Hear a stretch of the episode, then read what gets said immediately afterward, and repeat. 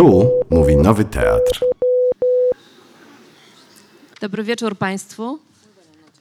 Bardzo nam miło, że y, Państwo do nas przyszli dzisiaj. Konkurencja była niestety, więc bardzo nam miło, że wybraliście to spotkanie. Y, Jest z nami Ariana Harwicz, której książkę Zgin, kochanie wydałam dosłownie trzy dni temu. Właśnie przyjechała z drukarni, na szczęście o czasie.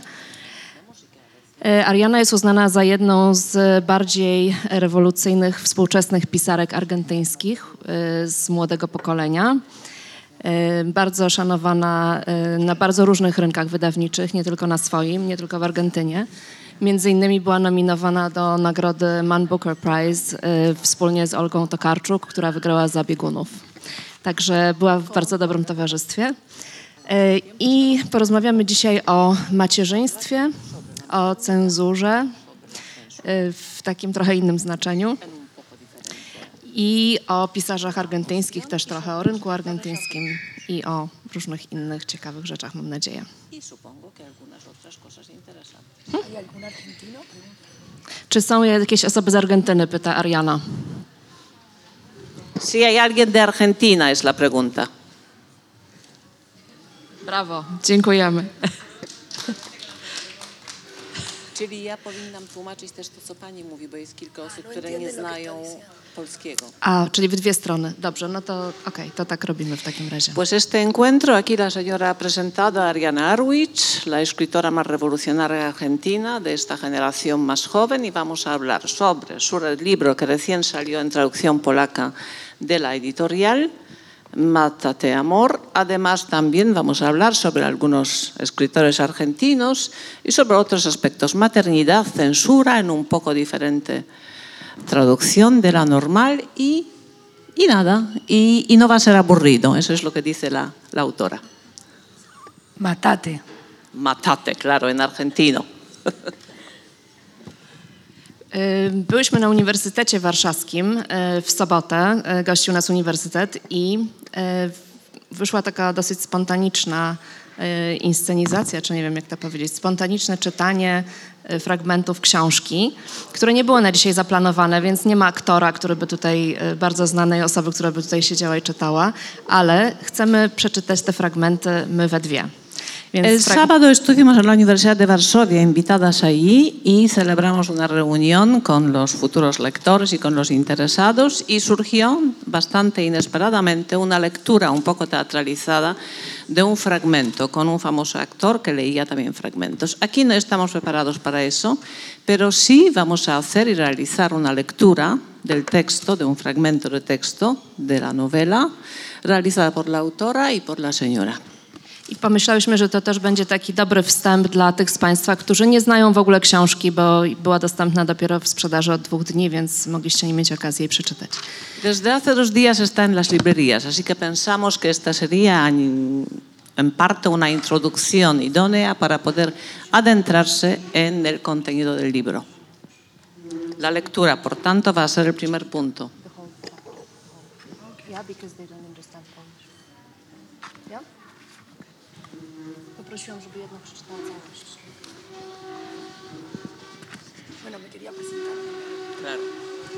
Bueno, hola, ¿qué tal? No sé eh, cuánta gente, pero creo que mucha habla acá español, castellano, porteño y todas las derivaciones del español. Proszę jednak pozwolić, że zacznę od przywitania się. Dzień dobry, witam wszystkich. Widzę, że bardzo wiele osób tutaj obecnych mówi po hiszpańsku, porteño albo jakimś innym wariantem tego języka, pochodzącym z Argentyny bądź z innych stron. Gracias por venirme a ver a mí, una pobre argentina, mientras que está Olga cerca de acá dando una presentación, ¿no? I bardzo dziękuję, że Państwo przyszliście i zdecydowaliście się przyjść i spotkać się ze mną, skromną Argentynką, podczas gdy tu niedaleko spotyka się Olga Tokarczuk ze swoimi czytelnikami. Doceniam. Eh, bueno, mi, mi gran sueño es que esta obra pueda, esta novela pueda hacerse obra de teatro en Polonia. Así que quien dice, no, estamos en un teatro, si hay algún dramaturgo o dramaturga.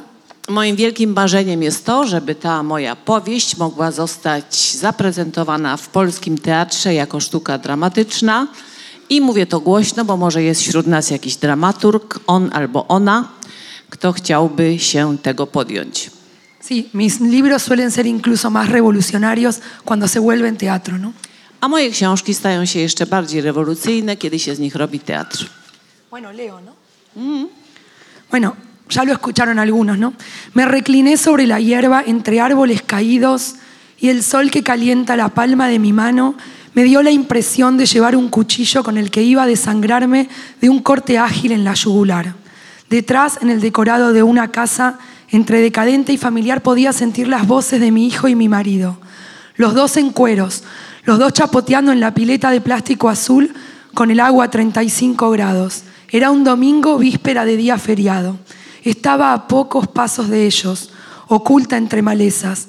¿Cómo es que yo, una mujer débil y enfermiza que sueña con un cuchillo en la mano, era la madre y la esposa de esos dos individuos? ¿Qué iba a hacer? Escondí el cuerpo adentrándome en la tierra. No iba a matarlos. Dejé caer el cuchillo. Fui a colgar la ropa como si nada. Abroché bien las medias de mi bebé y mi hombre, los calzoncillos y las camisas. Me miré como una campechana ignorante que cuelga la ropa y se seca las manos en la falda antes de entrar en la cocina. No se dieron cuenta. La colgada de ropa fue un éxito. Volví a recostarme entre troncos. Ya se corta la madera para la próxima temporada. Los hombres acá preparan el invierno como las bestias. Nada nos distingue a unos de otros. Yo misma, y letrada y graduada universitaria, soy más bestia que esos zorros desahuciados con la cara tenida de rojo y un palo atravesándoles la boca de par en par. A pocos kilómetros mi vecino Frank, el primero de siete hermanos, se pegó un tiro de escopeta en el culo la última Navidad. Linda sorpresita para su tribu de hijos. El tipo siguió la tradición, suicidio con escopeta para el tatarabuelo, bisabuelo y padre. Por lo menos, lo menos que se podía decir es que era su turno. Y yo, una mujer normal, de una familia normal, pero una excéntrica, desviada, madre de un hijo y con otro, quién sabe, a esta altura, en camino. Me metí despacito la mano en la bombacha y pensar que yo soy la encargada de velar por la educación de mi hijo. Mi marido me llama para unas cervecitas en la pérgola. Pregunta si morocha o rubia. Parece que el bebé se cagó y tengo que comprarle la torta de cumplemés. Otras madres seguro que la hacen ellas mismas. Seis meses me dicen que no es lo mismo que cinco o siete. Cada vez que lo miro recuerdo a mi marido detrás de mí casi eyaculándome la espalda cuando se le cruzó la idea de darme vuelta y entrar en el último segundo. Si no hubiera habido ese gesto de darme vuelta, si yo hubiera cerrado las piernas, si le hubiera agarrado la pija, no tendría que ir a la panadería a comprar la torta de crema o chocolate y las velitas, medio año ya. Las otras al segundo de parir suelen decir, ya no imagino mi vida sin él. Es como si hubiera estado desde siempre. Ahí voy, amor, quiero gritar, pero me hundo más en la tierra agrietada. Quiero gruñir, berrear y a cambio dejo que los mosquitos me piquen, que se deleiten con mi piel azucarada. El sol me devuelve el reflejo plateado del cuchillo en la mano y me ciega. El cielo está rojo, violeta, tiembla. Oigo que me buscan el bebé cagado y el marido en cueros. Mamá, tata, caca, es mi bebé que habla toda la noche. Caca, nana, baba, ahí están. Dejo el cuchillo en el pastizal quemado. Espero que cuando lo encuentre parezca un bisturí, una pluma, un alfiler. Me levanto caldeada y molesta por el hormigueo en la entrepierna. Rubia o morocha, lo que prefieras, amor. Somos parte de esas parejas que mecanizan la palabra amor hasta cuando se detestan. Amor, no quiero volverte a ver. Ahí voy, digo, y soy una falsa mujer de campo, con una pollera roja, a lunares y el pelo florecido. Rubia, tráeme, digo con mi acento. Y soy una mujer que se dejó estar y tiene caries y ya no lee, lee, idiota, me digo. Léete una frase de corrido. Acá estamos los tres juntos para una foto familiar. Brindamos por la felicidad del bebé y bebemos las cervezas. Mi hijo sobre su sillita mastica una hoja. Le meto la mano y chilla sobre... Me muerde con las encías. Mi marido quiere plantar un árbol para darle larga vida al bebé y yo no sé qué decirle. Sonrío como una gansa. ¿Se da cuenta él de todas las bellas y sanas mujeres de la región? Se vino a enganchar conmigo un caso clínico, una extranjera. Alguien debería ser clasificada de incurable. Qué día de humedad, ¿eh? Parece que tenemos para rato, dice él. Yo trago la botella en sorbos largos y aspiro por la nariz queriendo estar exactamente muerta.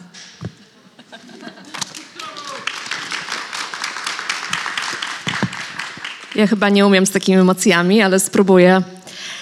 Leżałam na trawie między powalonymi drzewami. Słońce ogrzewało mi wewnętrzną stronę dłoni i zdawało mi się, że ten promień to nóż, za pomocą którego mam wypuścić sobie całą krew z żył jednym krótkim cięciem w tętnicę szyjną. Za mną, na tle stanowiącego dekorację domu, trochę zniszczonego, ale przytulnego, słyszałam głosy męża i syna. Obaj byli nadzy. Pluskali się w niebieskim plastikowym baseniku. Woda miała temperaturę 35 stopni. Była niedziela przed dniem wolnym. Leżałam zaledwie o kilka kroków od nich, ukryta w wysokiej trawie. Szpiegowałam ich. Jak to możliwe, że ja, słaba, chora kobieta, która fantazjuje o nożu, mam być żoną i matką tych dwóch osobników? Co robię? Ukrywam się, jeszcze mocniej wtulając ciało w ziemię. Nie zabiję ich. Wypuściłam nóż z dłoni. Jak gdyby nigdy nic, poszłam rozwiesić pranie. Porządnie przypięłam do sznurka skarpetki mojego dziecka i mojego mężczyzny, majtki i koszulki. Musiałam wyglądać jak prosta wieśniaczka, która rozwiesza pranie, wyciera ręce w spódnicę i wraca do kuchni. Nie mieli pojęcia.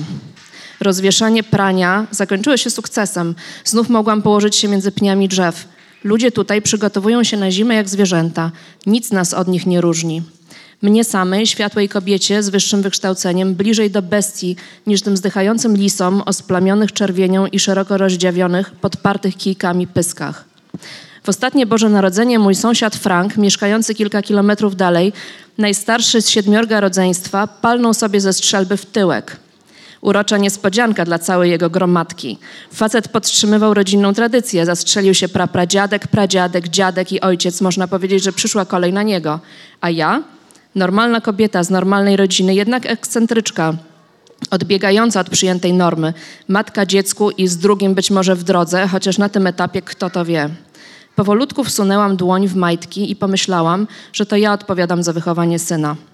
Mąż mnie woła, żeby, żebym przyszła wypić z nim piwo pod pergolą. Pyta, ciemne czy jasne? Mały się chyba zesrał, a ja muszę mu kupić tort na miesięcznicę urodzin. Inne matki na pewno same pieką. Sześć miesięcy to podobno zupełnie co innego niż pięć czy siedem.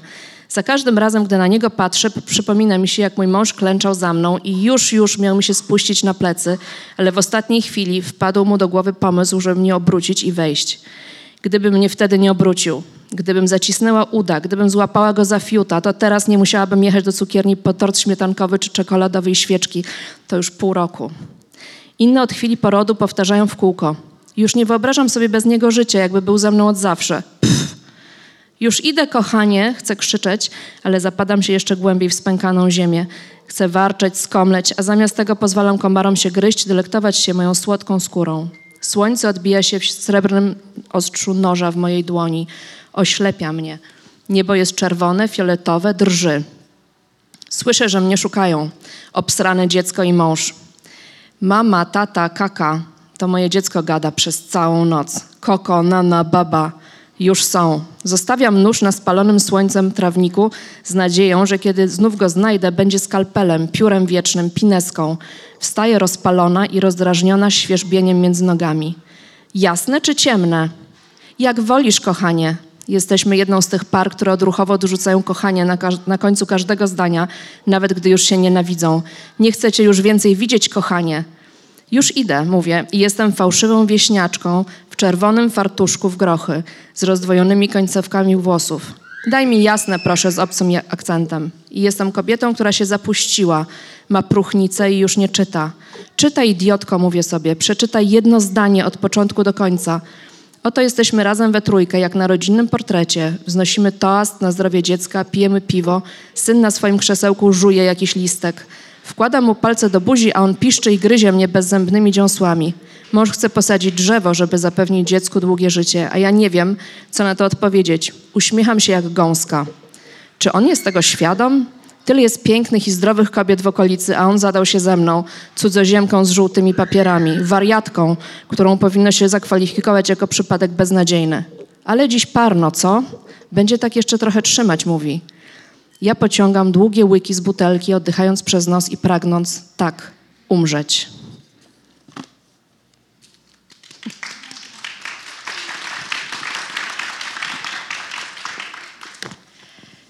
Chciałam zacząć od pytania o Argentynę, ale stwierdziłam, że lepiej zapytać po tym wstępie o twoją bohaterkę. Kim jest twoja bohaterka?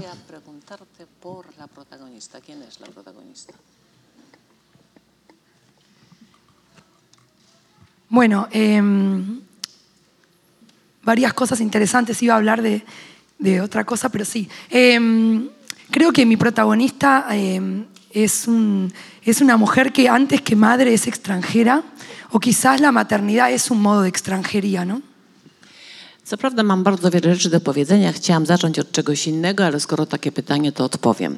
Kim jest moja bohaterka? Moja bohaterka niewątpliwie jest zanim matką cudzoziemką, czyli przede wszystkim cudzoziemką, a może to macierzyństwo jest rodzajem obcości, cudzoziemstwa. Ay, qué pocas palabras y en polaco. Eh, eh, entonces, cuando uno habla de maternidad, que se pregunta siempre por el tópico de la maternidad, que es muy reciente que haya tantas novelas, no sé cómo es en Polonia, si hay un boom, me dirán quizás después en las preguntas, si hay también una especie de boom o de, aparición de muchas novelas sobre maternidad, pero en todo caso en Latinoamérica sí, en, en otros países de Europa, en otros países también. Quizás eh, ahora me doy cuenta que cuando escribí el libro eh, era extranjera y que yo viví la maternidad como, es decir, como no reconociéndome madre. Entonces eso fue lo que me llevó a la novela. ¿no?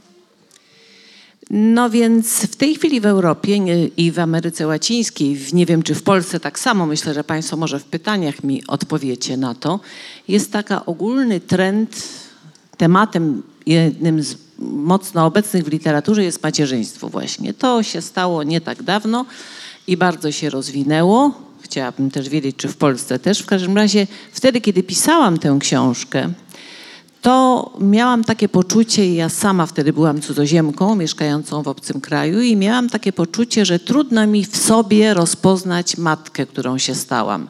Więc w tym poczuciu to pisałam. Pero entiendo que sea un tema muy difícil a pesar de que ahora tiene más visibilidad en el mercado y hay más libros sobre maternidad, porque siempre todo lo que tenga que ver con la identidad y con la angustia del ser, con no reconocerse de un país o, de, o no reconocerse en un rol social, es algo que es, es un tabú, es algo muy difícil de hablar. ¿no?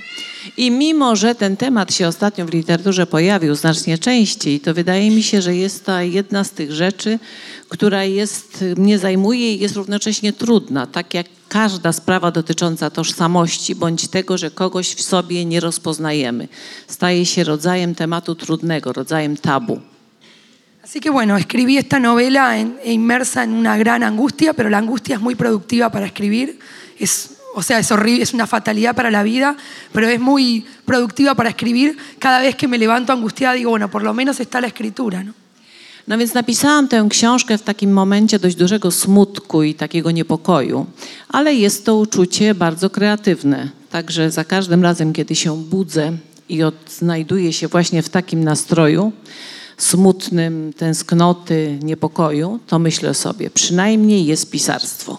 Y creo que tuvo, después hablaremos, un, un impacto, una empatía en varios pueblos, en varios países, con culturas tan distintas, idiomas tan distintos, porque evidentemente hay algo, una parte de la maternidad que, que es muy compleja y que es muy angustiante para una iraquí, para una israelí, para una polaca o para una peruana. ¿no? I widocznie poruszyłam jakiś temat istotny, dlatego że sama byłam zdziwiona, z, jaką, jakim przyjęciem spotkała się ta książka w bardzo różnych krajach, w bardzo różnych językach i kulturach.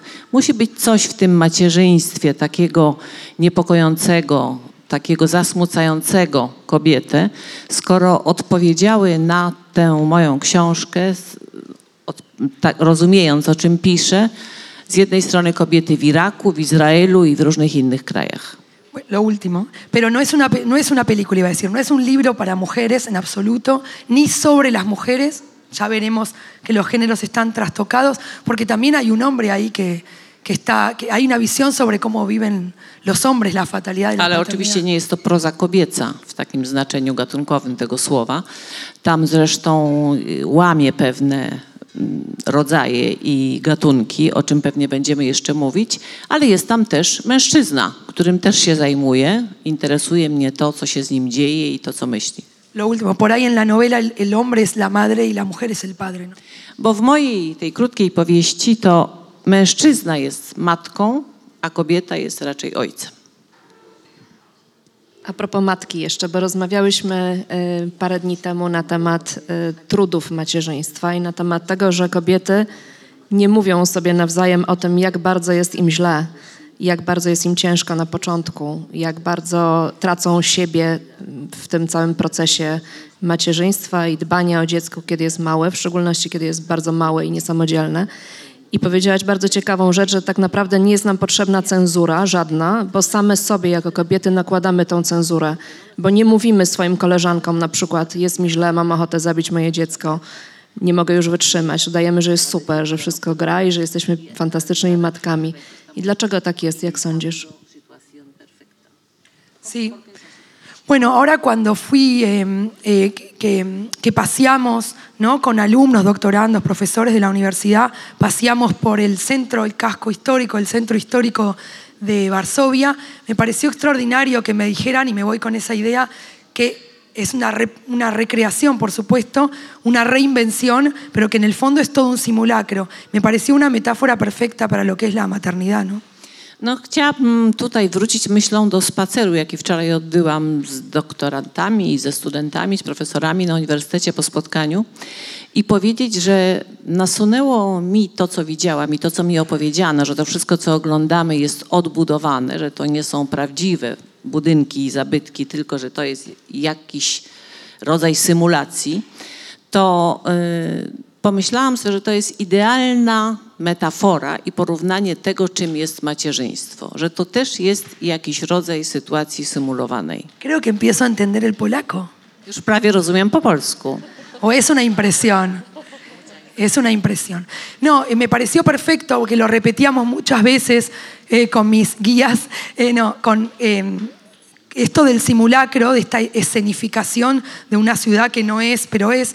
Me parece perfecto porque mis libros tratan sobre la familia y la familia es una obra de teatro y es un simulacro de algo que es y no es. Y No to miasto, taka dekoracja, jak zrozumiałam z tego, co moi przewodnicy, czyli ci towarzyszący mi pracownicy uniwersytetu tłumaczyli mi, to jest naprawdę bardzo dobrze się wpisuje w to, jak ja rozumiem, takie miasto, które jest, choć go nie ma. To się bardzo dobrze wpisuje w tą ideę, czy w to, co ja myślę o macierzyństwie, bo w tym jestem, a jakby mnie nie było. Entiendo la importancia política en la vida, no en el arte, de que, por ejemplo, en el tema de la maternidad se hable, o en otros temas, ¿no? Se hable con más sinceridad, sin tanta idealización. Pero creo que eso no nos va a evitar el, el misterio, ¿no? Finalmente hay que atravesarlo y es un gran misterio la maternidad, no se puede evitar, ¿no? I całe to macierzyństwo jest takim rodzajem teatru, rzeczywiście. Nie, niewiele ma wspólnego z taką absolutną szczerością. Ja rozumiem, że my mimo tego, co sobie o tym macierzyństwie mówimy, nie zlikwidujemy nigdy tej sfery tajemnicy, bo wchodzi się w jakąś tajemnicę i odkrywa się, co jest naprawdę w tym, dopiero jak się to przejdzie. Es como el matrimonio, si te explican todo lo que va a pasar, no te ¿no? Taka sama jest też rodzina i sytuacja w rodzinie albo małżeństwo. Gdyby nam dokładnie wytłumaczono, co w tym małżeństwie nas czeka, to prawdopodobnie byśmy się na to nie zdecydowały. Li. Za- za nie mówiłam. No a lo argentino. No, a lo argentino. Y, Okej, dobrze. No więc y, może nie będę komentować, czy, czy wszyscy by się zdecydowali na dzieci i na małżeństwa, ale na pewno jest, y, jest ta cen- cenzura i bardzo często twoja bohaterka jest postrzegana jako bardzo agresywna. I tak jest opisywana często w recenzjach, że jest bardzo agresywna, y, że właśnie zachowuje się jak facet. Czy tak jest, twoim zdaniem? Protagonista que es agresiva, que se está comportando como un hombre. Claro, esto es muy interesante, mm, es el tema de la inversión de roles, porque muchas veces eh, se decía, me lo han dicho en diferentes países, que se percibía, quizás si leen el libro, algunos ya lo leyeron aquí, pero bueno, se percibía esta mujer del libro, de- de este libro Matate Amor, como una mujer violenta, agresiva y por ende masculina. Pero eso es suponer que todos esos rasgos son esencialmente masculinos, ¿no? No tak, ja się z tym zgadzam, co tu powiedziałaś, tym bardziej, że w wielu miejscach na świecie spotkałam się z taką opinią, że ta moja bohaterka w tej książce jest właśnie taka agresywna, dość brutalna i że to zachowuje się jak mężczyzna. Ale żeby do takiego wniosku dojść, trzeba by najpierw uznać, że te wszystkie cechy rzeczywiście są męskie i że definiują mężczyznę. Y por ende es binómico, ¿no? Es decir, es un pensamiento totalmente binario y maniqueo, ¿no? Las mujeres, los hombres. También se le ha adjudicado como que su sexualidad, su modo de encarnar la sexualidad, porque, no sé, se masturba tirada, es propio del hombre. A mí me parecía, no, no quise jugar a invertir los roles, me parecía propio del ser humano. No to jest coś takiego jak takie odwrócenie ról. Wobec tego ja zgadzam się, że tutaj mamy do czynienia z takim, z takim binarnym stosunkiem tej strony męskiej, żeńskiej, kobiety i mężczyzny, z taką antytezą jednego i drugiego, ale niektóre zachowania, na które wskazywano jako typowo męskie, na przykład to, że ta bohaterka się masturbuje, wcale mi się nie wydaje, żeby to było wyłącznie dla mężczyzn zarezerwowane. Claro, Borges, que voy a decir que Borges es polaco, si Gombrowicz es argentino, Borges es polaco. Będę mówić o Borgesie i będę o nim mówić jako o Polaku, bo jeżeli wszyscy uważamy, że Gombrowicz jest Polakiem, to ja uważam, że Borges jest, Argenty... jest No. że Gombrowicz jest Argentyńczykiem, to ja uważam, że Borges jest Polakiem. Un poco demagógico lo mío, ¿no? Trochę Em, demagogii tu wplotę. Pero digo que Borges decía, ¿qué es eso que hay ahí? ¿Una, una, luciérnaga, o, una luciérnaga o un imperio? ¿No? Tak, i to Borges przecież mówił, co to jest tam na ścianie. Czy to jest świetlik, czy to jest jakieś imperium. Eso quiere decir que, obviamente, y eso es algo que se aprende en el teatro, de, de lejos parece una cosa y cuando un fenómeno se acerca es completamente otro. Entonces, I to yo, jest taka rzecz, której uczy nas teatr, że coś widziane z daleka może być zupełnie czym innym niż wtedy, kiedy przyjrzymy się temu z bliska. yo no quise volver a, a la protagonista mujer un hombre y al hombre volverlo mujer. Simplemente observé lo que pasaba en este drama y el hombre se comportaba más femenino y la mujer más masculino, pero... Ja wcale nie chciałam nadać kobiecie jakichś szczególnie męskich cech, a z mężczyzny zrobić kobietę, tylko obserwując ten, ten stosunek ich i dramat, który się między nimi odbywa, zauważyłam, że on jest trochę bardziej kobiecy, a ona bardziej męska. Pero lo último, el travestimiento, trasvestirse, los travestis no son del siglo XX o el XXI.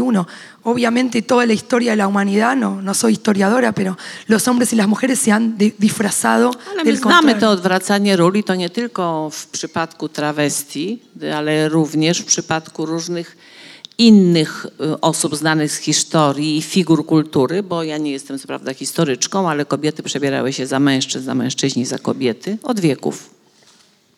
Ale też jest tak, że kobieta, która mówi, czego chce albo czego potrzebuje, też jest często postrzegana jako agresywna i męska, prawda? Sí, es una visión, sí. eh, el hecho de que se perciba una mujer como histérica o ninfómana o infiel, son todas, eh, bueno, eh, di- discurso oficial, ¿no? Es como mira el discurso oficial, pero el arte tiene que ir contra eso, ¿no? No, kobieta taka będzie nazwana histeryczką, będzie nazwana mitomanką, nimfą, y, nimfomanką i różnymi takimi określeniami, ale to, jak rozumiem, należy do sfery takiego dyskursu oficjalnego, a sztuka powinna się temu przeciwstawiać, politycznego. Sztuka powinna się temu przeciwstawiać. A powiedz jeszcze kilka słów o tym, jak, jak książka była odbierana w innych krajach, bo wspominałaś y, o Iraku chyba, y, rozmawiałyśmy też o Rumunii, o tym, jak książka jest odbierana, jak inne są okładki w różnych krajach, jak różnie jest postrzegana. Czy możesz coś o tym opowiedzieć?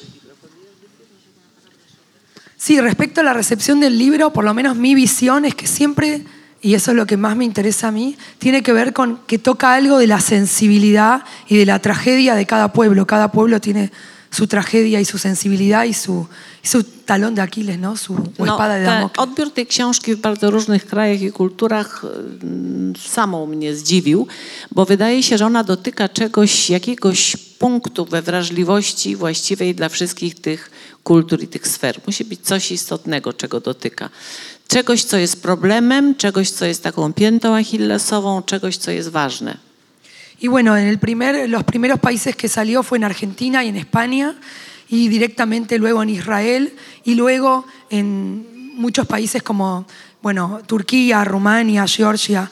Eh, Książka została wydana najpierw w Argentynie i Hiszpanii, ale później, zaraz niedługo potem w Izraelu, a później w różnych innych krajach, takich jak Rumunia, jak Gruzja, Y lo que me daba cuenta es que, por ejemplo, en Medio Oriente, Turcja. eh, sí, en Medio Oriente, en Israel, el hecho de estar atravesado por una guerra eh, tenía otra apreciación sobre la maternidad, porque ser madre ahí tiene un sentido de poblar el país, muy distinto al de Argentina. Entonces se vinculaban de un modo distinto a I zdałam sobie radę, e, sprawę z pewnych różnic. Na przykład w Izraelu odbiór książki był taki, że e, zauważyłam, że tam samo pojęcie macierzyństwa jest inaczej rozumiane. Bycie matką tam to znaczy przyczyniać się do zaludniania kraju, ziemi. Coś zupełnie dalekiego od tego, jak to rozumiemy w Argentynie. Nada que ver, por ejemplo, la historia de Rumania, que la conocen, eh, en, bueno, con el comunismo y la, y la prohibición de aborto durante la época comunista, tiene otro, eh, otro alcance trágico este libro. ¿no? I jeszcze innej tragicznej nuty dotknęło to w Rumunii. W Rumunii, która po długiej epoce komunizmu z absolutnym zakazem aborcji miała jeszcze inny odbiór tej treści. Bueno, lo que me hizo a mí llorar y lo que me emocionó siempre es que una chica de Lima, Perú, o una chica de Turquía eh, musulmana, por ejemplo, puedan sentir una, una angustia o un alivio frente a- a esta- a estos personajes. Ale ja przyznam się, że dużym wzruszeniem, a nawet uroniłam łzę. Taka była moja reakcja wtedy, kiedy zdawałam sobie sprawę, że jakaś młoda kobieta, no na przykład w Limie, albo w Turcji, albo w jeszcze innym kraju, mogła czuć albo ulgę, albo smutek, który ja starałam się jej przekazać w tej książce. Por eso habría que preguntarse siempre qué es lo que le da universalidad a un libro, ¿no?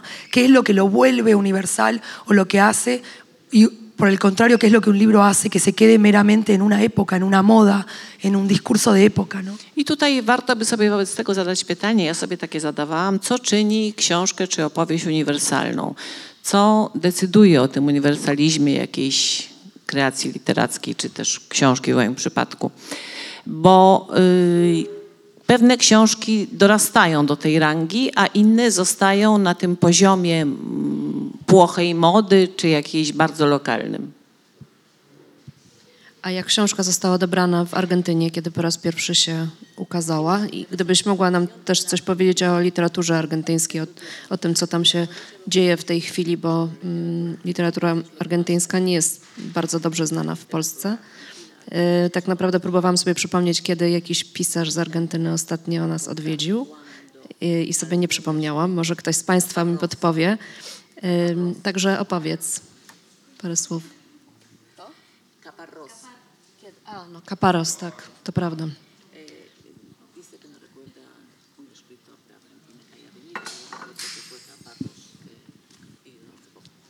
Sí. eh, bueno, eh, alguien me dijo que yo era traidora a la patria, eh, y aparte quizás hay alguien de la Embajada Argentina acá y no puedo decir eso. No, no hay nadie. De la... Ktoś mi powiedział w Argentynie, bo i to się zdarzało, że jestem zdrajcą, zdrajczynią narodu i ojczyzny. Jeżeli tu jest ktoś z ambasady argentyńskiej, to pewnie nie powinnam tego mówić głośno. Ah, el vino. No, eh, sí, por supuesto. No, el, eh, quiero decir que el hecho de haberme ido de Argentina hace 13 años y haber sido, empezado a ser escritora en Francia hace que mis, mis libros, que son profundamente argentinos en, en la violencia y en la lengua, también están cruzados ya con la lengua francesa, ¿no? Ja 13 lat temu opuściłam Argentynę i ten 13-letni pobyt we Francji, mimo że Argentyna jest moją prawdziwą ojczyzną moje książki są bardzo głęboko argentyńskie, w jakiś sposób zostały naznaczone tym językiem nowym, francuskim i faktem, że tam mieszkam. Claro, muchos dicen, ¿de dónde sale la intensidad? ¿Por qué los personajes tienen ese modo de violencia? Bueno, es, para un argentino quizás no es violencia eso, ¿no? Eso es percibido desde afuera. Wiele osób, które mnie pyta, dlaczego ci bohaterowie są tacy gwałtowni, dlaczego jest tyle intensywności w tej prozie, ja muszę na to zawsze odpowiedzieć, że być może w Argentynie to nie jest tak duża ani intensywność, ani brutalność, ani gwałtowność. Siempre voy a recordar eh, eh, cuando un profesor me dijo, yo le había dicho que me iba a ir a vivir o a intentar vivir afuera y me dijo que era imposible irse, que escribir afuera era como realmente traicionar, ¿no? Que los escritores eran traidores cuando escribían afuera. Zawsze będę pamiętać, jak jeden z moich profesorów, a studiowałam literaturę, różne inne rzeczy, y, na moje zwierzenie, że chce wyjechać za granicę i tam mieszkać i tworzyć, powiedział mi, że to jest zdrada. Rozumiałam, że zdrada ojczyzny, języka, tak to rozumiał, że pisarz piszący poza ojczyzną, tak jakby ten kraj zdradza. Bueno, por supuesto que estoy en contra de esta idea, me parece un- eh, una gran falacia. No hay, no hay nada que.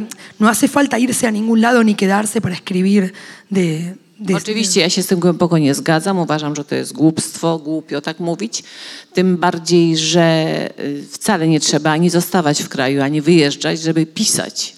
Escribí toda la novela encerrada en una casa en el campo francés, pero estaba en otro lado, ¿no? Wszystkie moje książki powstały, i to jest prawda, w domku na wsi, głębokiej wsi francuskiej, zamknięta w domu je pisałam, ale to nie ma większego znaczenia, jeśli chodzi o to, co opisywałam. Y la recepción en Argentina fue interesante porque fue antes del movimiento, eh, este nuevo movimiento, renacimiento del movimiento feminista en toda América Latina y en todo el occidente, ¿no?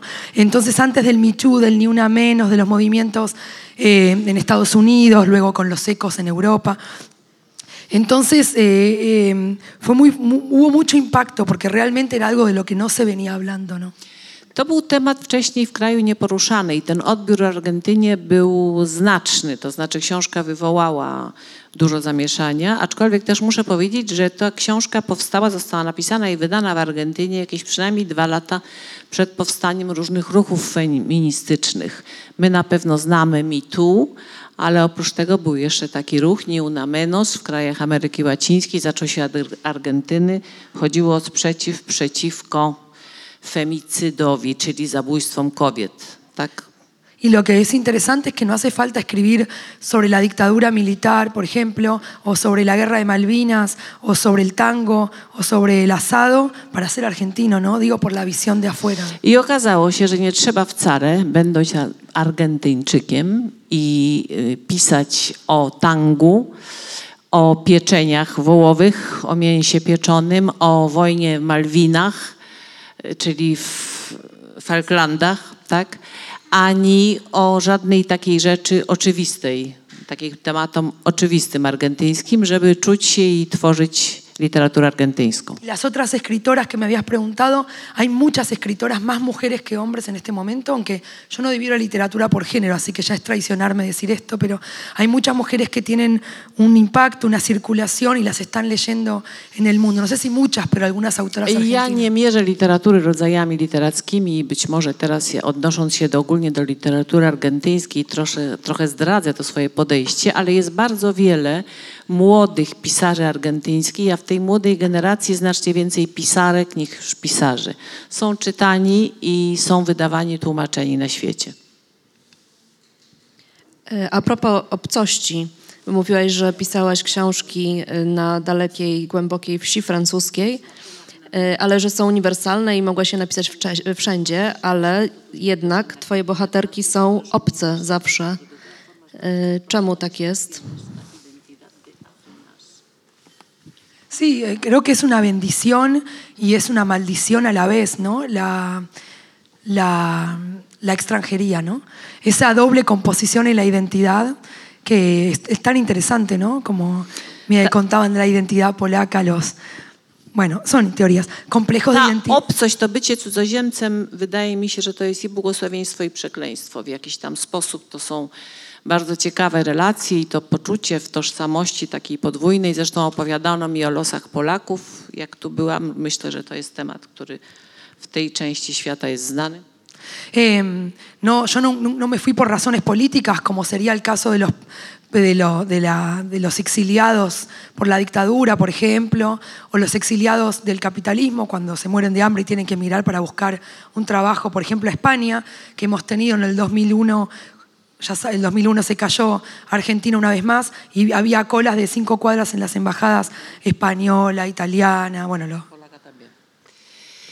quizás. y, Więc y, ja nie wyjechałam przecież z kraju jako emigrantka, ani polityczna, ani ekonomiczna, czyli ani nie uciekałam przed żadną dyktaturą, ani też nie wyjechałam z braku środków do życia. A takie rzeczy miały miejsce w Argentynie. Sięgam pamięcią do 2001 roku, jednego z głębokich kryzysów w Argentynie, kiedy przed ambasadami różnych krajów, w tym Francji, w tym Włoch i również Eso- Polską, eso były bardzo długie kolejki. Do nas wszystkich zrobiło to kolosalne wrażenie. Ludzi, którzy odszukiwali swoje pochodzenie i chcieli wyjechać z kraju w poszukiwaniu po prostu możliwości zapewnienia sobie środków do życia. Por eso mi, irme, entre comillas, de Argentina no es ni por razones políticas, aunque todo es político, ni por razones económicas. No fui a buscar ningún bienestar económico. Fui a, quizás, a, a buscar esta... Pienso, no, no, no, no me psicoanalizo, ¿no? Pero creo que fui a buscar esta extranjera que soy para poder escribir, ¿no? Więc ja wyjechałam, raz jeszcze powtórzę, nie z powodów politycznych ani ekonomicznych. Wyjechałam, kto wie, z dzisiejszej perspektywy myślę, że może właśnie po to, żeby poszukać tej kondycji cudzoziemki, tego, tej tożsamości, która pozwala mi pisać, jest dla mnie źródłem mojej literatury. Así que bueno, mis personajes tienen esta doble identidad, triple o múltiple identidad, lo cual los hace estar siempre en crisis con los roles sociales adquiridos, madre, esposo, amante y consigo mismo. Y de eso se trata un poco mis libros.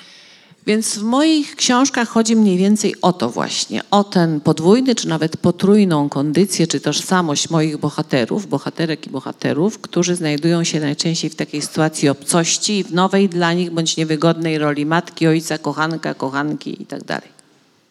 Ale nawiązując do Twojej osobistej historii, jednak mieszkasz we Francji i myślisz, że można stać się osobą, która nie jest obca, jeżeli się przenosimy do innego kraju, nawet znając język, y, poznając kulturę, mieszkając tam wiele lat, czy zawsze pozostajemy obcy?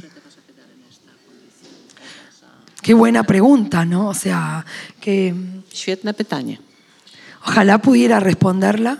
I byłoby jeszcze lepiej, gdybym umiała odpowiedzieć. No sé si ustedes, eh, quizás no son todos, bueno, de hecho no son todos aquí polacos de nacimiento y pueden entenderla, que es que cuando uno se va a otro país, no es que la identidad va cambiando y no es que uno emigra de una sola vez. Eh, Hay muchos momentos en donde uno se siente más cerca o más lejos del idioma que habla. Yo por momentos hablo bien francés y por momentos hablo mal pre- piensan que soy afuera. Sea, no. I ja rozumiem, że tu jest więcej osób, nie tylko ja, którzy są cudzoziemkami, nie wszyscy są Polakami, cudzoziemcami, więc rozumieją pewnie jeszcze lepiej to, o czym mówię. I ja nie wiem, bo fakt emigracji to nie jest jakieś jednorazowe wydarzenie. To nie jest tak, że raz wyjeżdżamy z kraju i odbywa się jednorazowa emigracja. To jest jakieś takie falowanie, to są różne momenty. Ja sama mówię już teraz dobrze po francusku, ale momentami mówię lepiej, momentami mówię gorzej i wtedy jestem odbierana jako cudzoziemka. Claro, es como la maternidad, ¿no? Es lo que quería decir, que visto de afuera es un fenómeno de una vez y para siempre. Eres madre, como una bendición, pero luego ahí es que hay fluctuaciones. Ale to jest to samo, co z macierzyństwem i to też starałam się w książce pokazać. To nie jest tak, jak się z zewnątrz to widzi, że to macierzyństwo to się staje, człowiek, kobieta staje się matką i to już jest pewien konstans na zawsze. To też ma swoje fluktuacje i wahania. El hombre trata de adjudicarse, de darse una única identidad para no angustiarse, pero la verdad es que somos múltiples cosas y a veces no nos reconocemos. Ludzie prawdopodobnie szukają takiej jednej, jedynej tożsamości, w której, z którą czuliby się bezpieczniej, wygodniej i lepiej, ale jesteśmy wieloma tożsamościami, mimo że to może być przyczyną różnych smutków i napięć.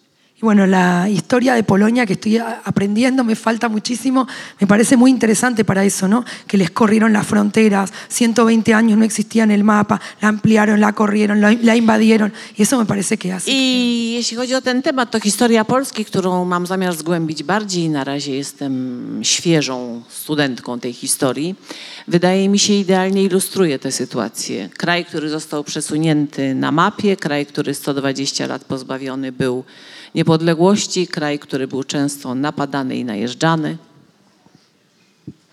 Jak pewnie Państwo zauważyli, Ariana jest bardzo żywiołową osobą i bardzo lubi rozmawiać z ludźmi, więc nie chciałabym monopolizować tą rozmowę y, i zapraszam do pytań, do rozmowy z autorką.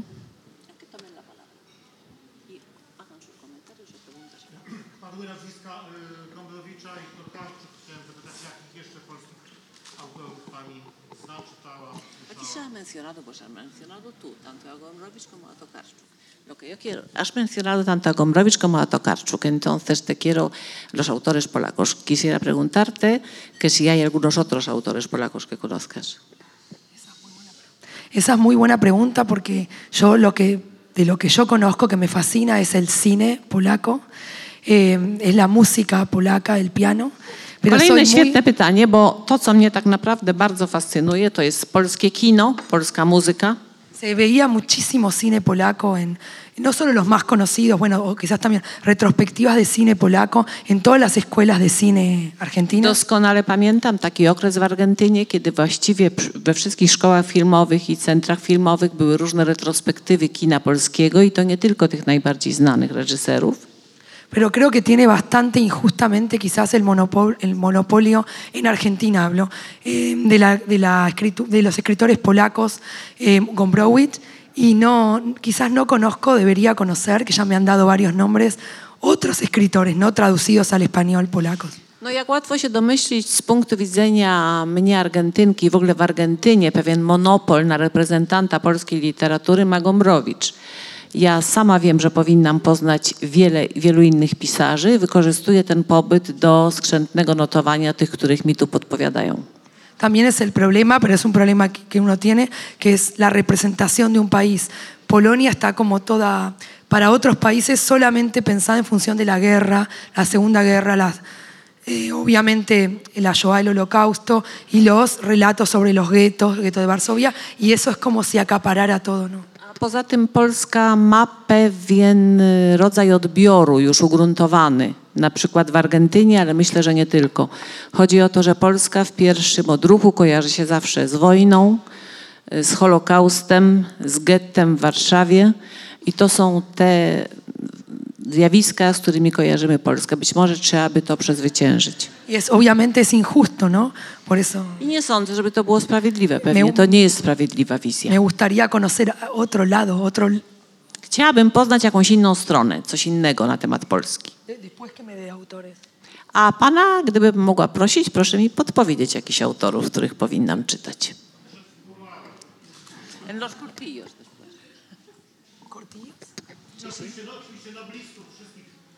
Bueno, todos los que son premios Nobel, que algunos tenemos.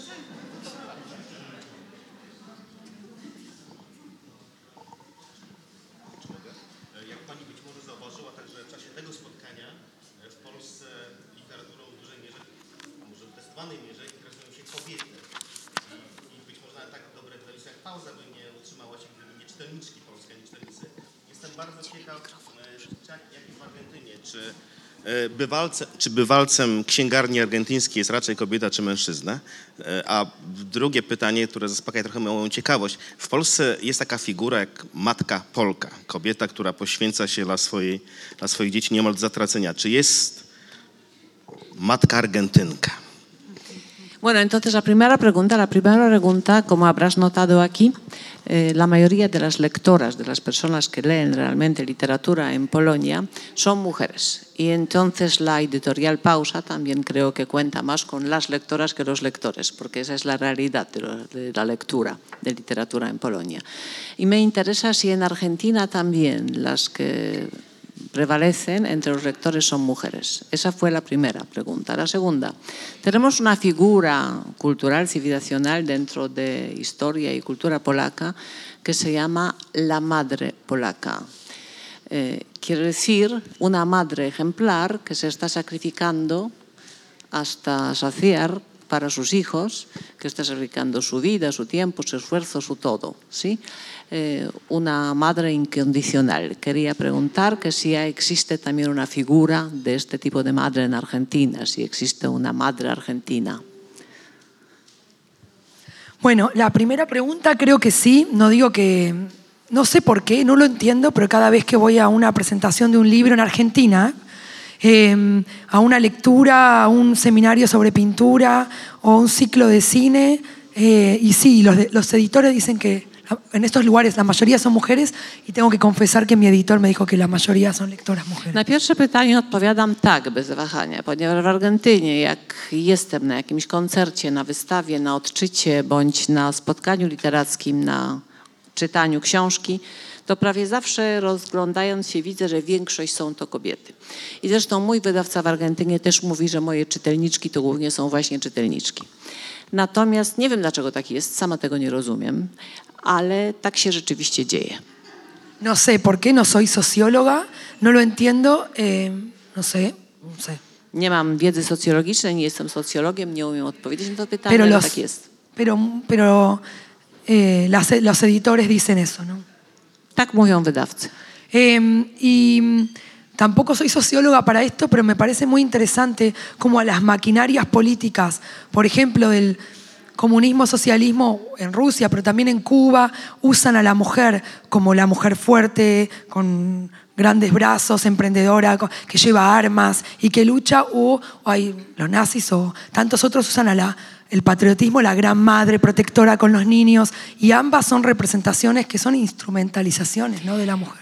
A chciałam też powiedzieć, że co do pewnych figur takich socjolo- y, powtarzam, nie jestem socjologiem, ale takich figur kobiet, to zauważyłam coś takiego, co bardzo mi się rzuca w oczy, że o ile w pewnej y, kulturze komunistycznej, socjalistycznej, jak choćby w Rosji kiedyś, czy na Kubie, jest taka skłonność do przedstawiania kobiet jako silnych, robotnic, umięśnionych, y, bardzo energicznych, podejmujących się różnych wyzwań pracy, o takim pewnym też żandrze fizycznym, tak? takich silnych kobiet. Z kolei w różnych innych systemach, jak choćby sięgniemy po pamięcią do faszyzmu i tak dalej, jest taka figura matki, która karmi, chroni, wychowuje dzieci, pilnuje ogniska domowego i tak dalej. Oba te przedstawienia wydają mi się czysto instrumentalne i wykorzystywane przez politykę. Bueno, digo Cuba porque conocí bien Cuba, hablo de lo que conozco. Eh, y siempre me interesé por el comunismo y soy latinoamericana. Y sí, no sé, tanto la iglesia como los totalitarismos, como las dictaduras, como los gobiernos democráticos van a usar la imagen idealizada, por ejemplo, de la mujer para algo. Y eso genera mucha infelicidad y es un gran tormento, ¿no? Es, Ja bardzo źle oceniam i odbieram jako istotne nadużycie tego typu wykorzystywanie przez różne zresztą systemy polityczne, pewną instrumentalizację czy też symbolizację kobiet, ale nie tylko. Mówiłam o Kubie, bo mówię o tym, co znam, a tam byłam i to znam i poza tym się interesowałam zawsze komunizmem, socjalizmem, jestem w końcu latynoską. No. Więc tym wszystkim się interesowałam i zauważałam właśnie takie nadużycie. Myślę, że to jest powód dużej frustracji i, i że to jest nieuczciwe. Eso, dijiste frustración. Eso quería decir, que genera una gran frustración. Es decir, por lo que siempre, es decir, no, no podemos llegar a esa imagen idealizada nunca. La gran madre rubia con los, con los hijos, patriótica. No podemos nunca tener, cumplir con ese rol idealizado y ahí es, el hombre se frustra y el hombre frustrado es muy peligroso. Frustracja to dobre określenie. Chciałam właśnie o tym mówić, to znaczy powiedzieć, że kobiety wobec tego typu obrazu siebie samych, jako ta wspaniała, duża blondynka, matka opiekuńcza i nadzwyczajna, czują, że nie dorastają do tego i to powoduje wyłącznie właśnie tę frustrację. El hombre también está bajo, Zresztą bajo el mężczyźni też imperativo są de lo que debe ser, ¿no? poddani takiej obróbce i też są jakby przykładani do pewnego ideału, do Pero ahora którego es- pewnie nie dorastają. Ahora es más complicado, no sé qué pasa en Polonia, ¿eh? no sé. Yo hablo de Latinoamérica, lo que veo en sociedades democráticas eh, actuales, veo que mm, el hombre está un poco perdido porque, es decir, la mujer tiene una causa, el feminismo, la lucha por sus derechos, la independencia, independizarse del hombre, igualdad de género, pero el hombre está un poco perdido. ¿no? Ale chciałam powiedzieć, że w przypadku mężczyzn widzę to jeszcze ostrzej. To znaczy, o ile kobiety, tak jak je obserwuję w różnych demokracjach, ale na przykład w Argentynie i w innych krajach, mają jakąś sprawę, za którą się opowiadają, to znaczy, czy to jest feminizm, czy równouprawnienie, czy dobijanie się do właściwego traktowania, to mężczyzn postrzegam jako bardziej zagubionych. Właściwie nie bardzo wiadomo, o co im chodzi i czego by chcieli. Tak, tak to widzę i tak to, to mnie interesuje zresztą. Ja chętnie udostępnię mikrofon do kolejnego pytania.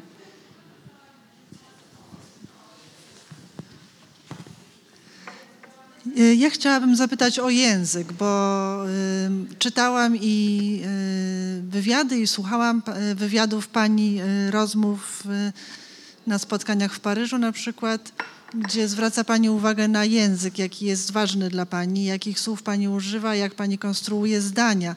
I mam pytanie, y, no, książka pani została przełożona na różne języki.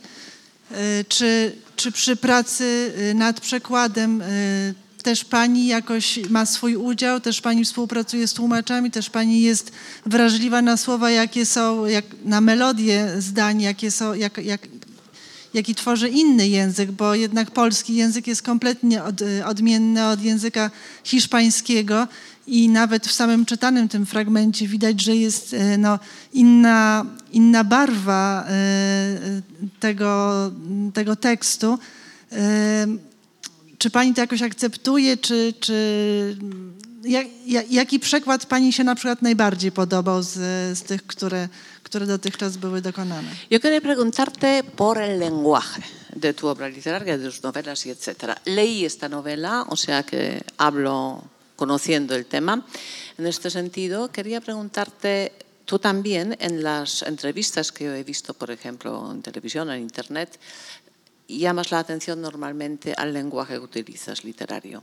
Y entonces, una de las cosas que me interesa es que si tienes algún rol, algún papel o contacto con sus traductores, porque sabemos que tus libros se han traducido a diferentes idiomas. Y entonces, ese contacto, si es que de alguna forma puedes influir la traducción que se está haciendo.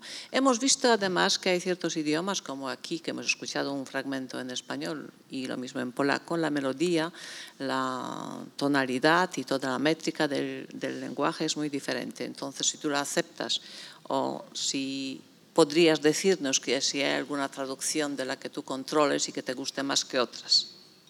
Bueno, esta es mi pregunta favorita, así que gracias. Bardzo dziękuję, to moje ulubione pytanie. Eh, para mí el traductor es más importante que, que mi abogada y mi marido. Tłumacz dla mnie to jest postać znacznie ważniejsza od mojego męża i adwokata.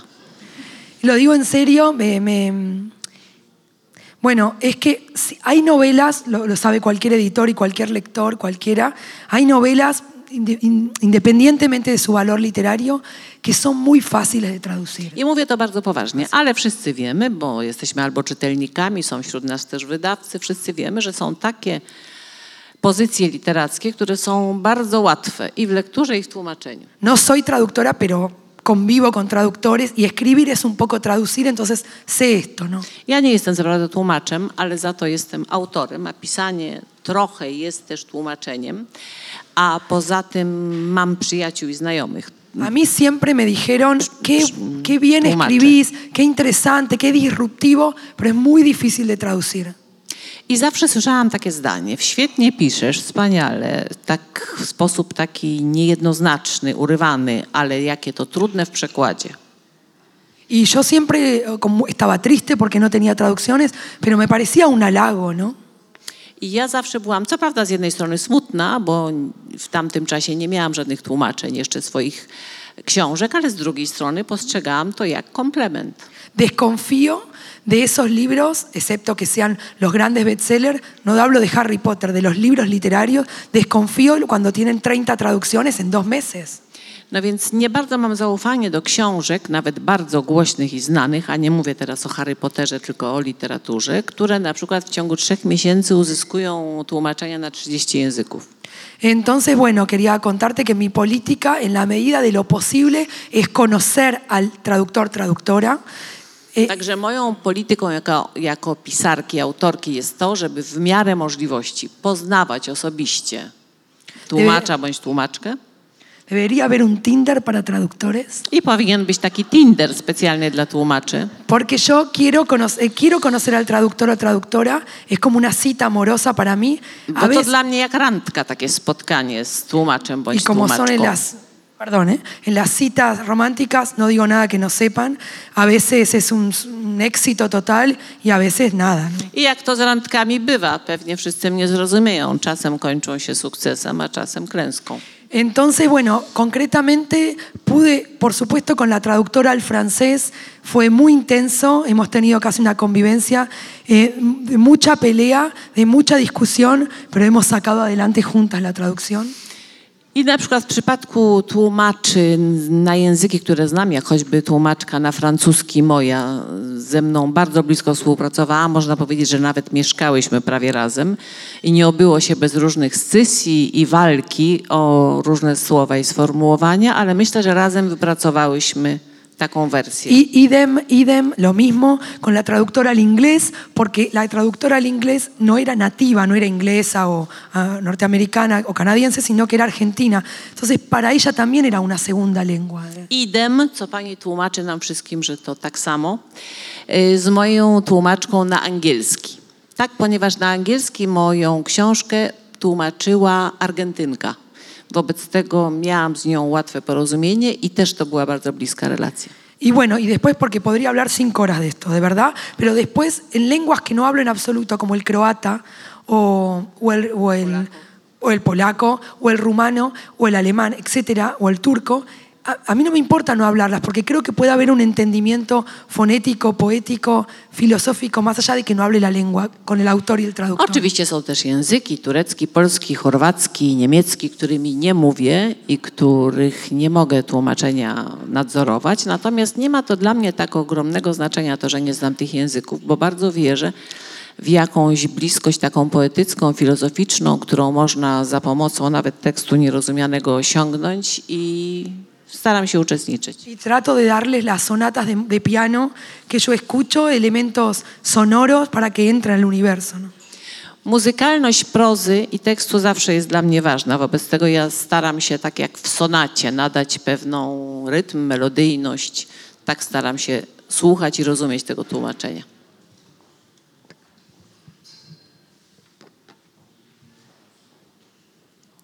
Zapraszam, może jakieś pytanie?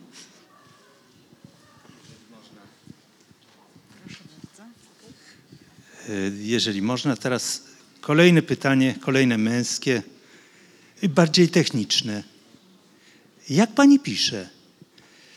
E, Mam na myśli to, ile, na ile pani podąża za zamysłem, za celem, mm, powiedzmy, jakąś strukturą, jakimś konkretnym wyglądem, postacią książki, a na ile pani daje po prostu wolne pole dla wyobraźni, dla wolnej gry wyobraźni w czasie pisania.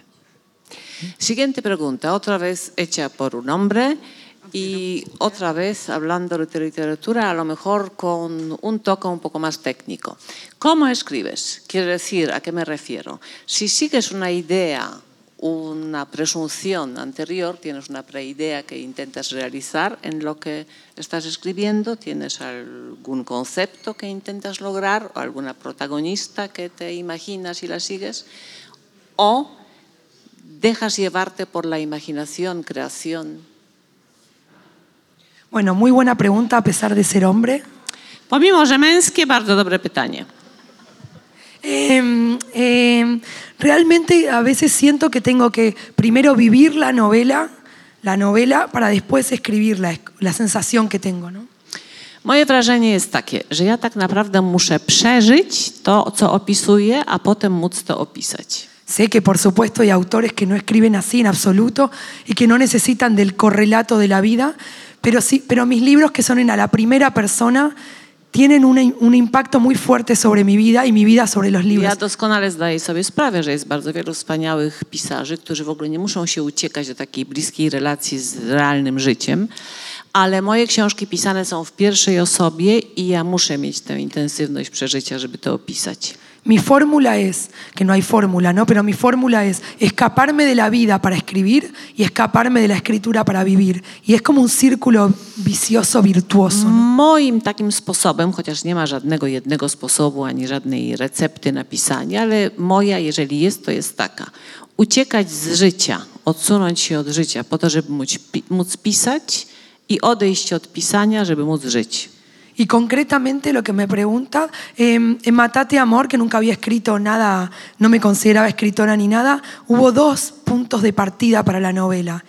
A jeśli chodzi o tę książkę, pierwszą moją książkę Zgin kochanie, Matate Amor, musi być taki akcent po argentyńsku, po hiszpańsku byłby inny. I e, wobec tego były dwa takie punkty, które mnie pchnęły do tego, żeby to napisać. Wtedy jeszcze wcale nie uważałam się za pisarkę. El primero real fue eh, el, el sonido gutural de una lechuza, no sé qué era un, villa- un charraco que hacía y yo tenía solo esa sonoridad muy gatuna, muy pro- no sé, ese sonido tenía todo el tiempo en mente. Y la segunda fue un ciervo que está en la novela, si la leen o la leyeron, obviamente es un leitmotiv que se repite, simbólico también. Es un ciervo que apareció en mi casa ahí y que para mí fue como una revelación. ¿no?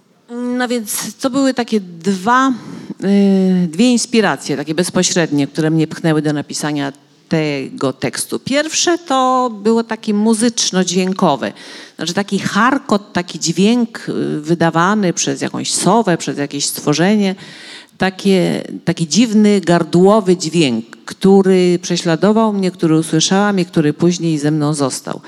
A drugą inspiracją to... La segunda?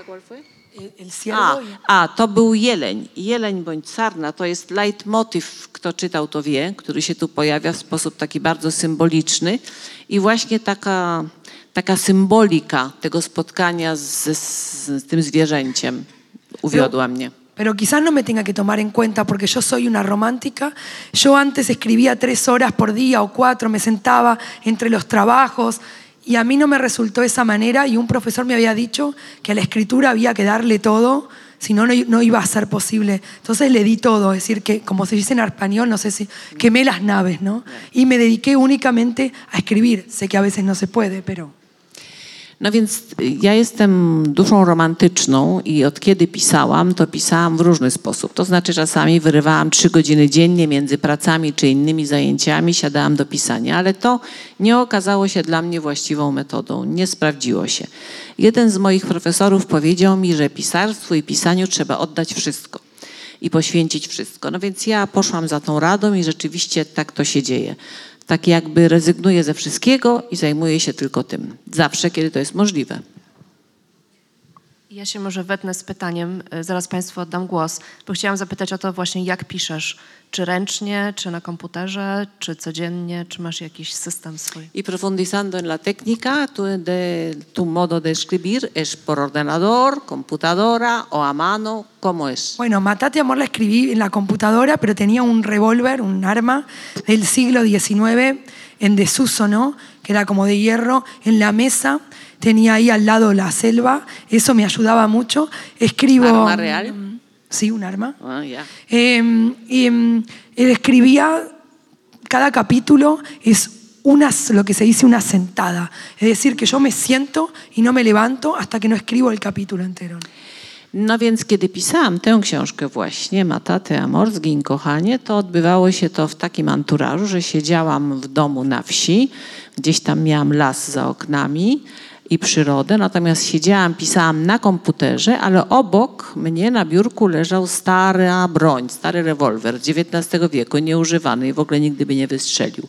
Ale gdzieś go miałam, nie wiem, może jakąś formę no nie wiem, w każdym razie i takie nasiadówki, jak ja to nazywam, odbywałam tak długo, aż napisałam i skończyłam rozdział. To znaczy siedziałam tak długo, aż skończyłam Y rozdział. después volví a empezar con otro capítulo otro día. Y eso es lo.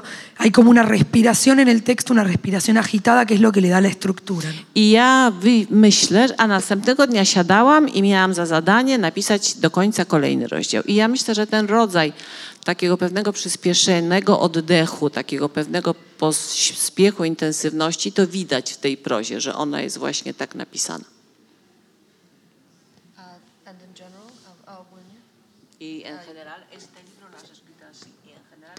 Y, en general es de la misma manera.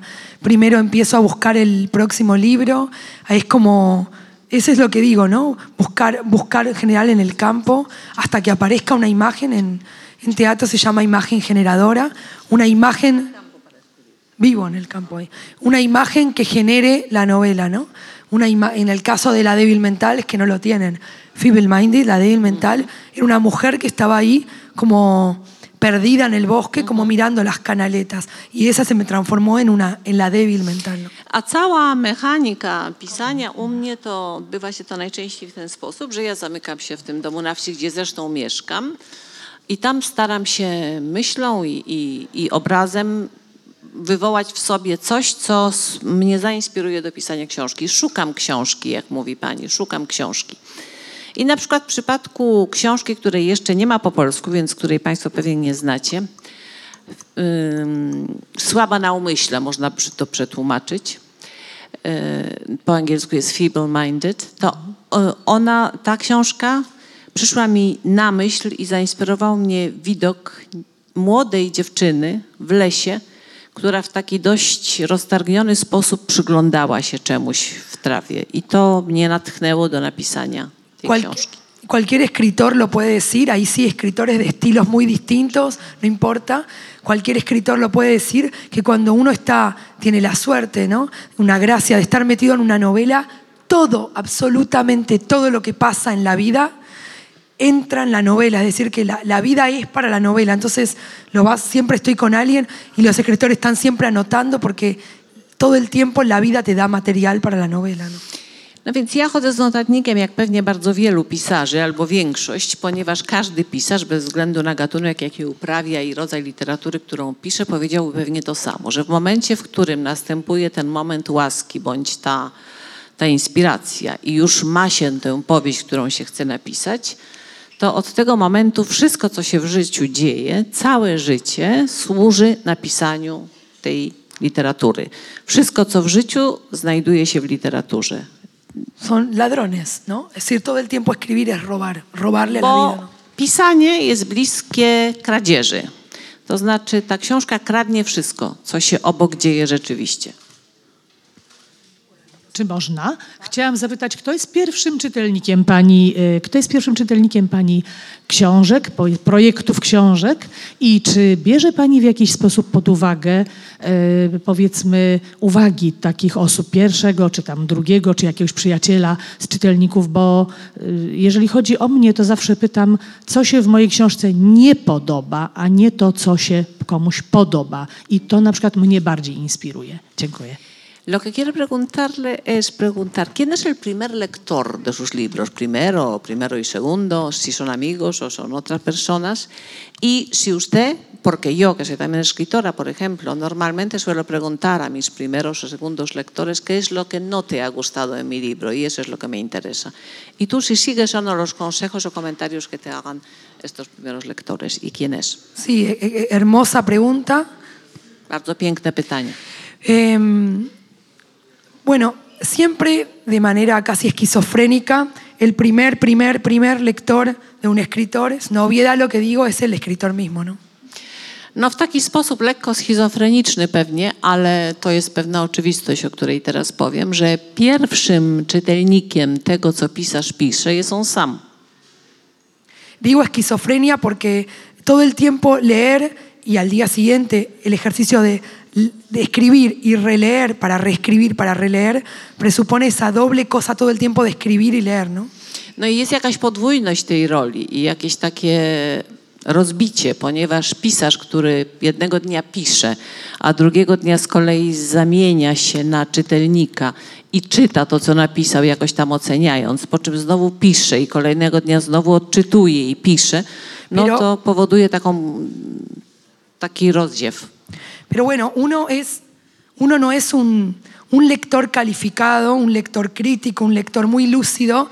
Uno no está lúcido. Todos los escritores dicen que en un momento, después de haber leído 500 veces el manuscrito, uno lee sin entender absolutamente nada. ¿no? I prawdopodobnie wszyscy pisarze też zgodzą się z tym, co teraz powiem, że pisarz najczęściej nie jest najinteligentniejszym czytelnikiem swoich własnych tekstów i też najbardziej takim no, skłonnym, krytycznym czytelnikiem.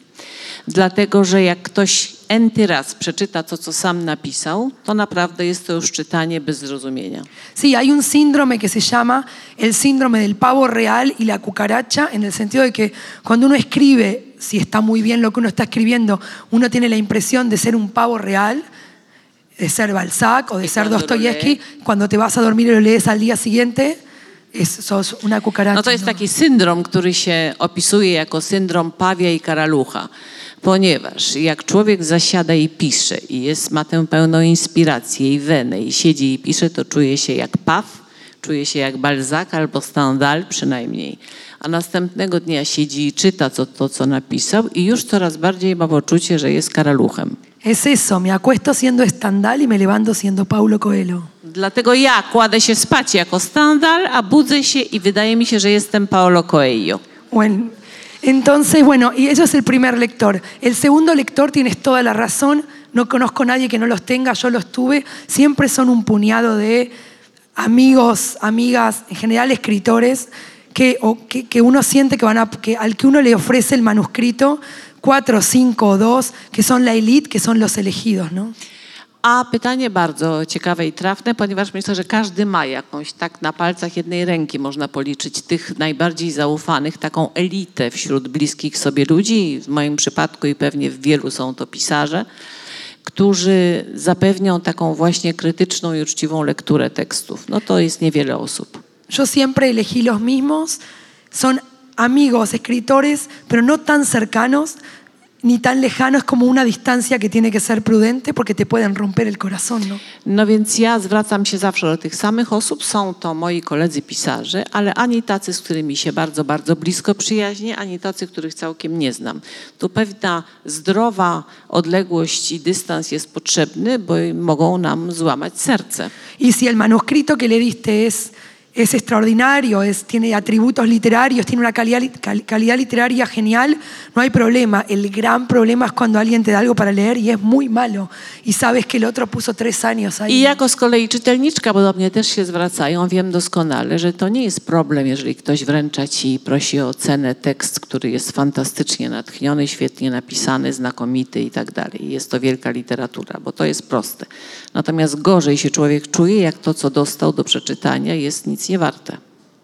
Tengo una amiga que cuando iba al estreno de una obra de teatro de una directora muy amiga, cuando no le gustaba en absoluto, salía y decía que tenía problemas en la garganta para no tener que decirlo. Pamiętam swoją przyjaciółkę zresztą, która by, przyjaźniła się z kolei ze znaną reżyserką argentyńską i jak chodziła na jej różne premiery, a jeżeli któraś jej się bardzo nie podobała, to doskonale pamiętam ten wybieg, wychodziła z teatru i pokazywała na gardło, że strasznie się przeziębiła i niestety nie może nic mówić, głos straciła. Porque es terrible, ¿no? Porque uno quisiera que todos escribieran bien, pero bueno, bien, ¿no? Pero, pero a veces es terrible. Bueno, y esos son los lectores y luego si, si pasa la frontera de, de esas lecturas, uno ha- hace las correcciones que te, di- que, te, que te sugieren estos amigos elegidos, amigas elegidas, y luego viene la otra gran frontera, la frontera más vigilada, que es el editor, ¿no?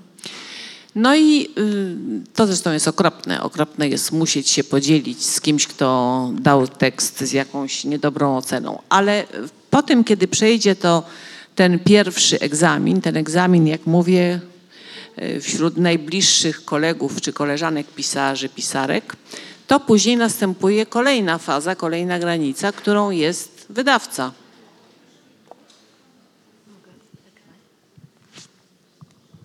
Właśnie to mnie natchnęło, bo często jako wydawca musimy powiedzieć autorowi, że książka na przykład nie jest do końca dobra, czy taka, jakiej szukamy, czy jaką miał napisać, czy miała napisać.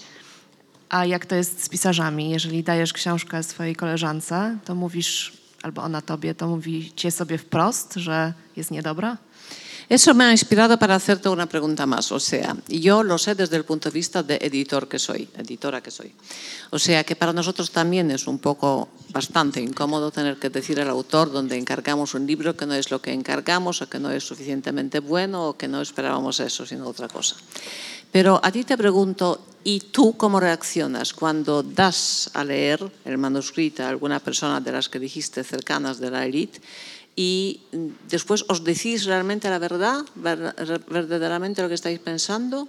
¿Es sincera esta, este intercambio de opiniones? Cuando doy un texto mío o cuando me dan un texto. Una y, do- y la otra, Las dos.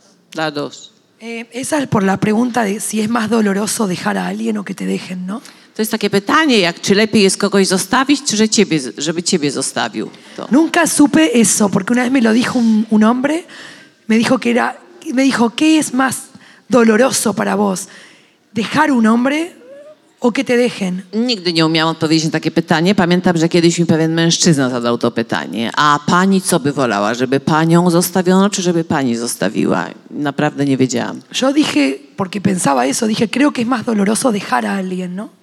I powiedziałam mu, a jednak myślę, bo naprawdę tak myślę, że ciężej jest zostawić kogoś. Y después él me dejó.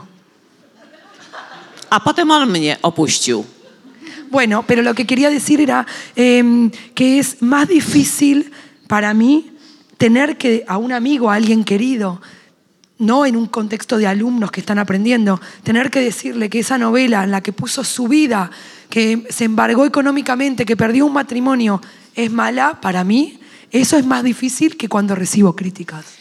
No więc dla mnie oczywiście znacznie gorszą i cięższą sytuacją do przyjęcia jest to, kiedy ja muszę komuś zaprzyjaźnionemu, kto życie i trzewia włożył w tekst, który stworzył i kto być może i ekonomicznie się zadłużył i może nawet małżeństwo mu się rozpadło z tego powodu, że się zamykał i pisał. I kto tak wylał to wszystko na papier, a ja mam mu powiedzieć, że to jest niedobre, czy że to nie jest za słabe. Więc oczywiście, że łatwiej mi jest przyjąć krytykę od kogoś, niż samej krytykować. Drodzy Państwo, mamy ostatnie pytanie. Chciałam zapytać, czego nie wolno mówić matkom? Mówiła Pani o tym, że chciałaby zobaczyć e, Matatę Amor na scenach, na, na scenie, na deskach teatru. E, Interesuje mnie to, co według Pani sprzeciwia się tam konwencji. Czego nie wolno mówić matkom? Co byłoby... to znaczy do matek, czy czego nie mogą matki mówić? Czego nie wolno? Tak, to jest do, dobre pytanie. Tutaj e, chodzi o, e, e, tak, o to, czego matki same e, jako takie nie mogą powiedzieć. Tak. Como has dicho antes, de que estabas pensando, soñando en ver esta, esta, esta novela como obra en el teatro, sin mencionar ya que en este teatro no estaría mal. Entonces, la pregunta es, ¿qué es lo que, según tu opinión, no puede decir una madre? ¿Qué es lo que las madres en general no deben, no pueden decir? Albo w jaki sposób nie wolno im mówić? ¿O en qué forma no deberían hablar? ¿Pero en el teatro, en la vida o en la, No, o en la novela? w życiu. En la vida. Ah, en la vida. En la vida, los tabúes que las madres no deberían decir o forma en la que no deberían hablar. Porque es muy distinta la ética en la escritura. Uno tiene una ética como, un, como escritor que la ética en la vida. Son dos éticas distintas. Ja precyzowałam to Pani pytanie, ponieważ uważam, że czymś zupełnie innym jest pewna etyka pisarza, czy też którą on aplikuje w swojej literaturze, a zupełnie czym innym jest etyka w życiu. En, la, en el arte, si, si, si, si tiene un sentido y hay una búsqueda, quizás es válido todo. W sztuce, jak sądzę, jeżeli jest to jakaś szczera potrzeba i jest to w jakimś procesie szukania, to myślę, że wszystko jest dozwolone. Eh, para eso, esa es su función, ¿no? Es más Bo viejo taka que- jest funkcja sztuki, jedna z najdawniejszych. Eh, en la vida, sin embargo, está la ética casi en la que coinciden todos, que es la ética del- de no provocar sufrimiento en el otro. A w życiu, no jednak zastosujemy się, myślę, że w szerokim ujęciu do takiej etyki, którą pewnie większość z nas podziela, żeby nie prowokować, powodować cierpienia u innych. Y, la, y el gran sentido de la responsabilidad. No a sensu temu nadaje odpowiedzialność. Sea si decidí u otra cosa ser madre, me hago responsable de esa decisión. Więc jeśli w przypadku macierzyństwa bądź czegoś innego, ja się odwołam do tego, podjęłam taką decyzję, żeby zostać matką, no to je- jestem odpowiedzialna za tę sytuację. Creo que hubiera sido mucho peor como madre si no hubiera escrito. Myślę, że ja, jako ja, Ariana Arwicz, czy Harwicz po polsku, byłabym znacznie gorszą matką, gdybym nie napisała tej książki. Dziękuję. Muchas gracias. Ya está, ¿no? Es ok, ¿no? Muy bien.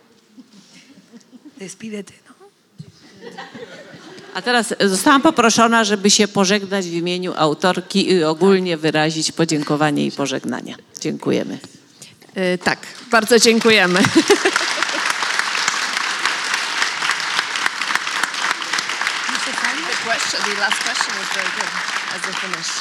To ostatnie pytanie myślę było idealne na koniec. Dziękujemy Państwu bardzo. I zapraszamy y, po podpis, jeżeli życzą sobie los Państwo que autograf. quieran, la autora va a firmar los libros. Bueno, muchas gracias por haber venido. Ya se fueron todos. Gracias. Bardzo, bardzo dziękuję za obecność.